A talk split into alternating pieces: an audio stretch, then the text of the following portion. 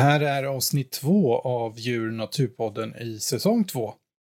Och i det här avsnittet så kommer vi följa med vithajen till Medelhavet och eh, få en historisk återblick kring eh, hur man såg på vithajen förr i tiden, rent historiskt. Eh, och det här är alltså en text från min senaste bok, Vithajen i Medelhavet, som finns på Bokus och Adlibris. Och det är en adaption av kapitlet, så det är inte hela kapitlet utan delar av det för att det ska passa det här poddformatet som vi lyssnar på just nu. Jag önskar er eh, mycket nöje och att ni får njuta av lyssningen från detta avsnitt.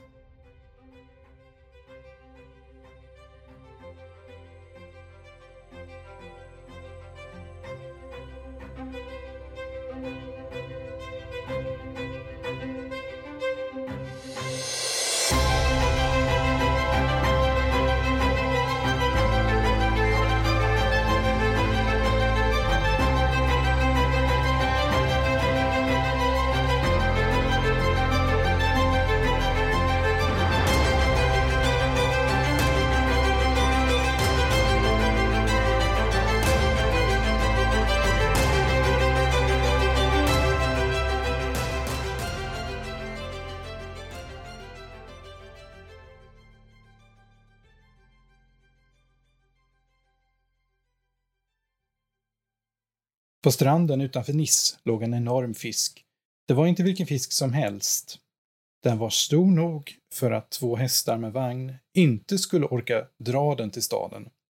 Människor från Nice hade samlats utanför renässansstadens omringande murar. Folkmassan stod omkring den gigantiska fisken. Barn och kvinnor tillsammans med diverse borgarskap från staden fanns bland de nyfikna beskådarna. Fisken låg på sin sida med en uppsvälld buk.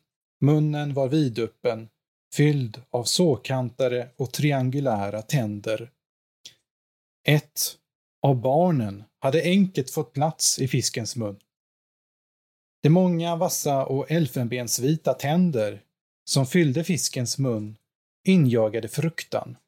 Kroppen var gråskimrande likt de gråa molnen över stranden.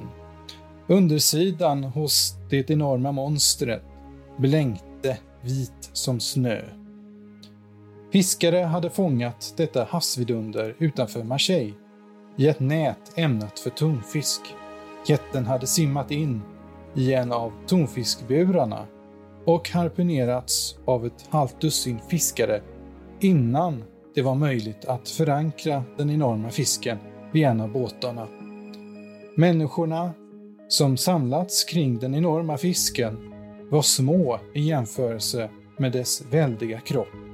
Lamia kallades fisken och var åtminstone tre till fyra män lång. Det hade krävts sex män för att dra upp den enorma besten på stranden. Nu väntade en styckning av fisken för försäljning av köttet ett mödosamt dagsverk.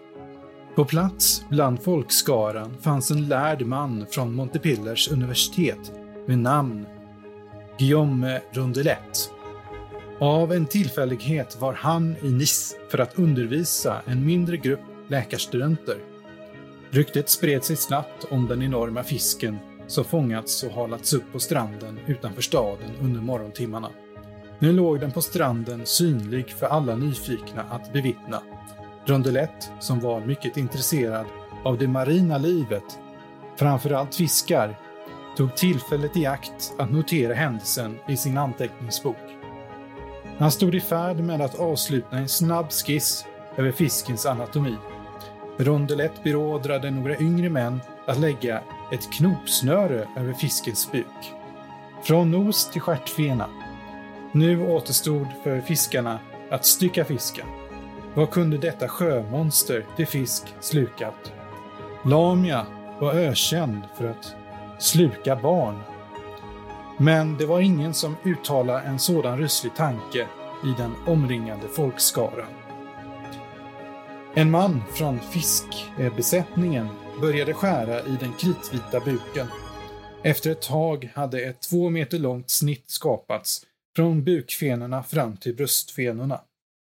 Allt medan mannen skar hade inre organ fallit ut på stranden. Magsäcken var uppenbarligen full. Mannen fortsatte med sin lans. Magsäcken skars upp. Folkmassan reagerade med förskräckelse då en arm föll ut ur magsäcken. Folket vred sig i avsky och ett viskande sorl spred sig över stranden medan fiskens blod blandades med havsvatten. Rondelett uppmanade sina undersåtar att dra i armen. Fram drogs ett helt lik. Mannen bar en soldatdräkt. Publiken var nu ännu mer förfasad. Det franska sålet övergick till ett kvidande av avsmak. Mannen var utan huvud. Detta var en magstark publik, vana vid torgavrättningar. Nyligen hade staden belägrats av ottomanska styrkor. För att undvika plundring hade stadens soldater infångats och avrättats. Soldaterna halshuggs och kropparna slängdes i floden intill staden. Kroppen hade slutat sitt varande i magen på denna bäst. Rondelett noterade enträget i sin anteckningsbok under rubriken Delamia, Piscis es carnimus, Horacimus et Antrofagus. Fisken är köttätande, glupsk och människoätande.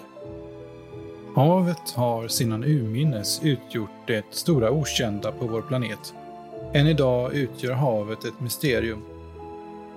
Vi vet väldigt lite om havet och de djur som lever där. Havet utgör närmare 70 procent av jordens yta. Haven är för det mesta omkring 4000 meter djupa. Vad som finns kvar att upptäcka i dessa enorma volymer av havsvatten är för människan ett av de största mysterier som återstår att utforska. På grund av havets storhet och människans oansenlighet var vithajen okänd i större delen av historien. Givetvis förekom det beskrivningar av havsmonster som angrep och åt människor. Bibeln och berättelsen om Jona är i sig ett lysande exempel på dessa skrönor. Under fornhistorien gjorde människor inte skillnad på fiskar, hajar och valar. Idag vet vi dock att ingen val kan svälja en människa. Vithajen uppvisar däremot denna förmåga. Den välkända svenska vetenskapsmannen Carl von Linné beskrev vithajen som art först på 1700-talet tillsammans med många andra arter i hans verk Systema Naturae. I Systema Naturae som utkom 1758 kallade Linné vithajen för Squalus carcarias och beskrev kortfattat vithajen. Han skrev Dentibus triangularibus ceratis, vilket betyder triangulära såkantade tänder. Förekomst angav han som i Europa. På den tiden klassificerades alla hajar i samma släkte, nämligen Squalus. Därav blev vithajen och pigghajen placerade i samma släkte men enbart pigghajen bär kvar på samma artnamn som Linné tog fram som än idag är Squalus acantias.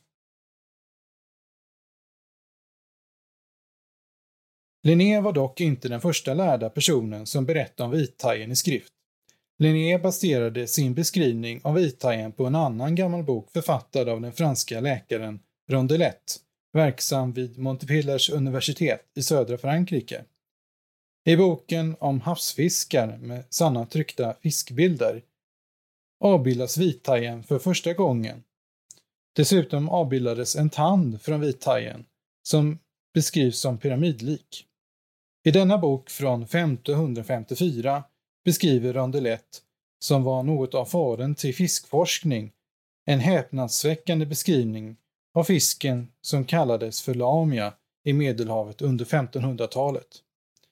Rondelett berättar om en enorm fisk med en längd motsvarande 6,7 meter fångad vid Marseille. Munnen hos denna fisk var fylld av såkantade och triangulära tänder. När fiskens buk öppnades påträffades där som bekant en huvudlös människa, närmare bestämt en man som under sitt liv varit soldat. Soldaten bar fortfarande sin fulla rustning. I texten beskriver Rondelett fisken till utseende och storlek. Fisken kallar han för lamia eller canis carcarias, vilket betyder havsvidunder. Än idag bär vithajen namnet carcarias som artepitet, vilket Linné adopterade från denna text. Han gav vithajen namnet, som bekant, Squalus carcarias. Det är många som kommit att bli fascinerade av vithajen. Här har vi en stor rovfisk som kan uppnå närmare 6 meter i längd. Vikten motsvarar den av en mindre val. En vithaj kan uppnå en vikt på 2 ton, men det finns rapporter om tyngre vithajar på närmare 3 ton. Dessa tyngre exemplar är svårare att bekräfta. De största vithajarna som rapporteras kommer från Medelhavet. Vithajen jagar stora ryggradsdjur som sälar, delfiner och tonfiskar. Oftast sker vithajens jakt på ett mycket spektakulärt sätt, där ytaktivitet kan förekomma.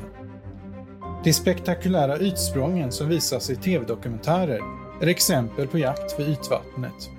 Dessa beteenden observeras främst i Sydafrika, där jag även forskat på vithaj. På vissa platser där det finns stor tillgång på fengångare kan ytsprång förväntas från vithajen. Genom att följa de tumlande pälssälarna kring öar med sälkolonier under gryning och skymning finns det goda möjligheter att se vithajen jaga. Vithajen hoppar även efter sälatrappor som dras bakom båtar. Ytsprång är en del av vithajens predationstaktik.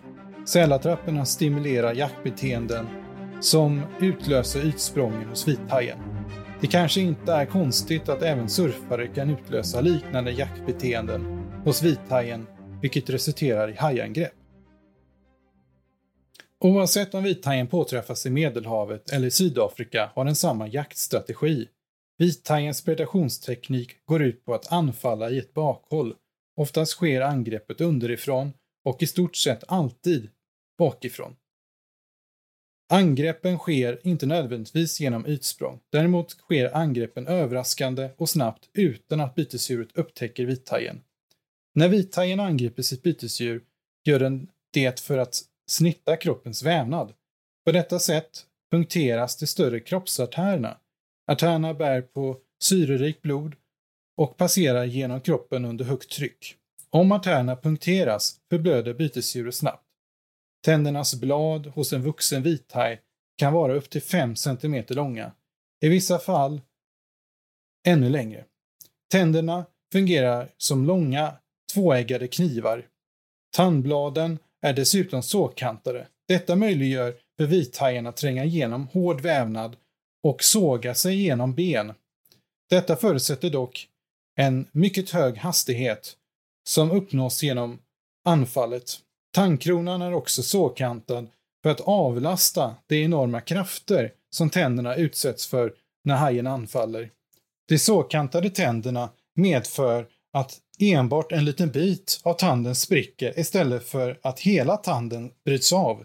Ibland bryts dock tanden av ändå på grund av de stora krafterna. Eftersom tänder enkelt faller bort och är kostsamma att producera undviker vithajen en konfrontation med sitt bytesdjur i den mån som är möjlig. Överraskningsangreppens mål är ett bett som punkterar viktiga artärer. På detta sätt kan vithajen vänta ut bytesdjuret medan det förblöder.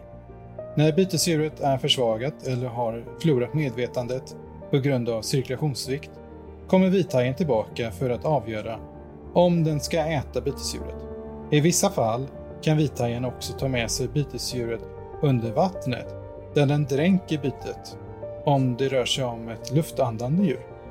Om vithajen är stor händer det att bytet styckas i ett par delar eller slukas i ett helt stycke. Om vithajen lyckas punktera aorta eller en stor artär vid extremiteterna kan ett bytesdjur dö av cirkulationssvikt inom loppet av några minuter. Vithajen behöver därför inte vänta länge innan den kan inleda en konsumtion av det fällda bytesdjuret. Det är på detta sätt som vithajen jagar sälar, pälssälar och sjölejon. Även snabba bytesdjur som delfiner och tonfiskar angrips underifrån eller bakifrån för att på detta sätt nedrusta och skapa blodförlust hos bytesdjuret. Ibland spolar sälar och delfiner i land, där angreppens natur kan studeras i detalj. Utifrån bitmönstren framgår vithajens angreppstaktik. Bitmönstren motsvarar predationen som observeras ute till havs.